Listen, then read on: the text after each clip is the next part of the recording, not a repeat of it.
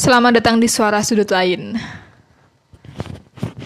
Seperti judulnya, hari ini aku akan membahas mengenai pulang ke perantauan setelah sebulan kurang lebih aku balik kampung.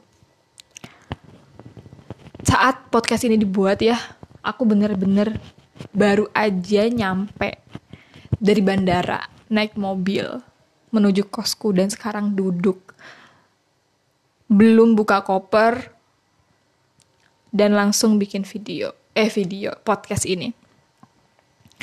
Karena ada sesuatu di kepalaku yang harus segera dituangkan dan itu nggak bisa aku bawa untuk buka koper dan menata-nata segalanya. Jadi aku pilih untuk ambil duduk sebentar untuk membicarakan ini. Mungkin bukan cuma aku aja yang merasa aneh banget kembali ke kos lagi setelah berada di rumah yang sangat hangat. Yang kehangatannya itu baru terasa ketika aku justru merantau gitu. Aku nggak pernah merasakan kehangatan rumah saat aku dulu masih SMA. Saat aku menetap dan sekolahku tuh nggak jauh dari rumah. Tapi kehangatan itu terasa ketika aku udah kuliah di luar kota, luar pulau bahkan dan kembali ke sana itu mempunyai limit. Padahal aku cukup lama, kemarin balik itu tanggal 6 dan aku balik lagi tanggal 1 Mei. Jadi bisa dibilang satu bulan lah. Tapi satu bulan itu kerasa sangat singkat banget. Aku merasa hari-hari yang aku jalani di sana tuh terasa sangat cepat.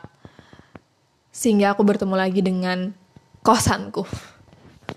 Kayaknya baru kemarin aku bersih-bersih, terus aku rapi-rapi, aku cuci baju untuk meninggalkan kos ini. Ternyata aku sudah balik lagi.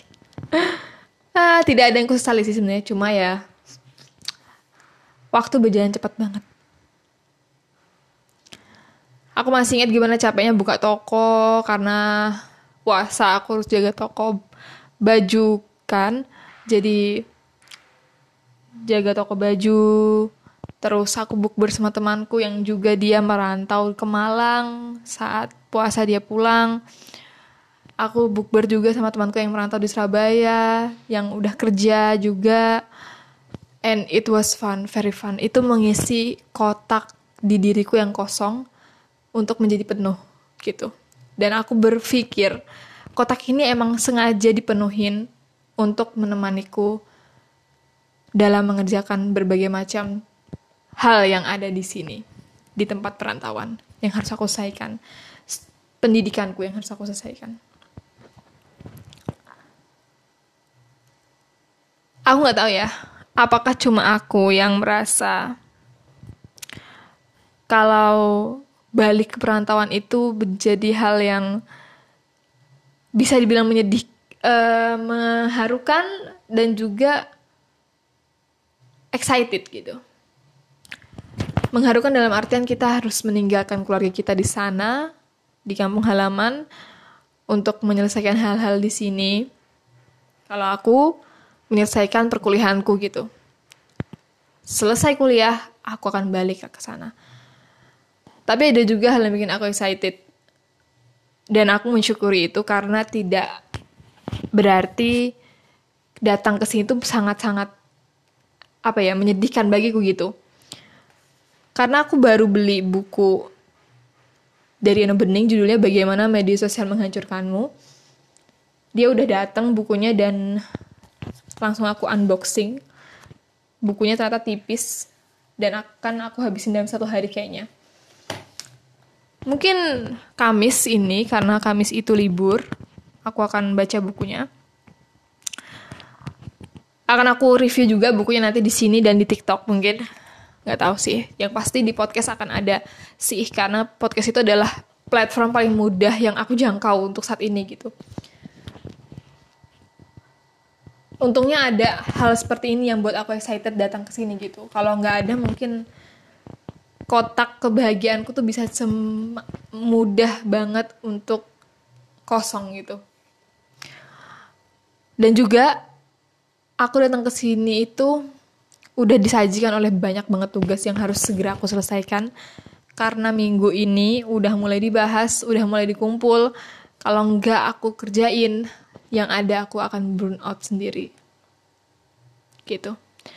Banyak juga aku baca di Twitter gitu, anak yang sama kampusnya kayak aku ataupun temanku deh yang kemarin udah balik dari tanggal 28 dia bilang males banget balik nih aku maunya di sini aja kumpul keluarga. Mau pengen cepet-cepet lulus. Sama bro. Aku juga gitu. Tapi kita harus menyelesaikan apa yang sudah kita lakukan. Jadi kami sama-sama menyemangati semangat kuliahnya karena itu adalah hal yang sudah kamu mulai sehingga kamu harus menyelesaikannya. Finish what you start kan.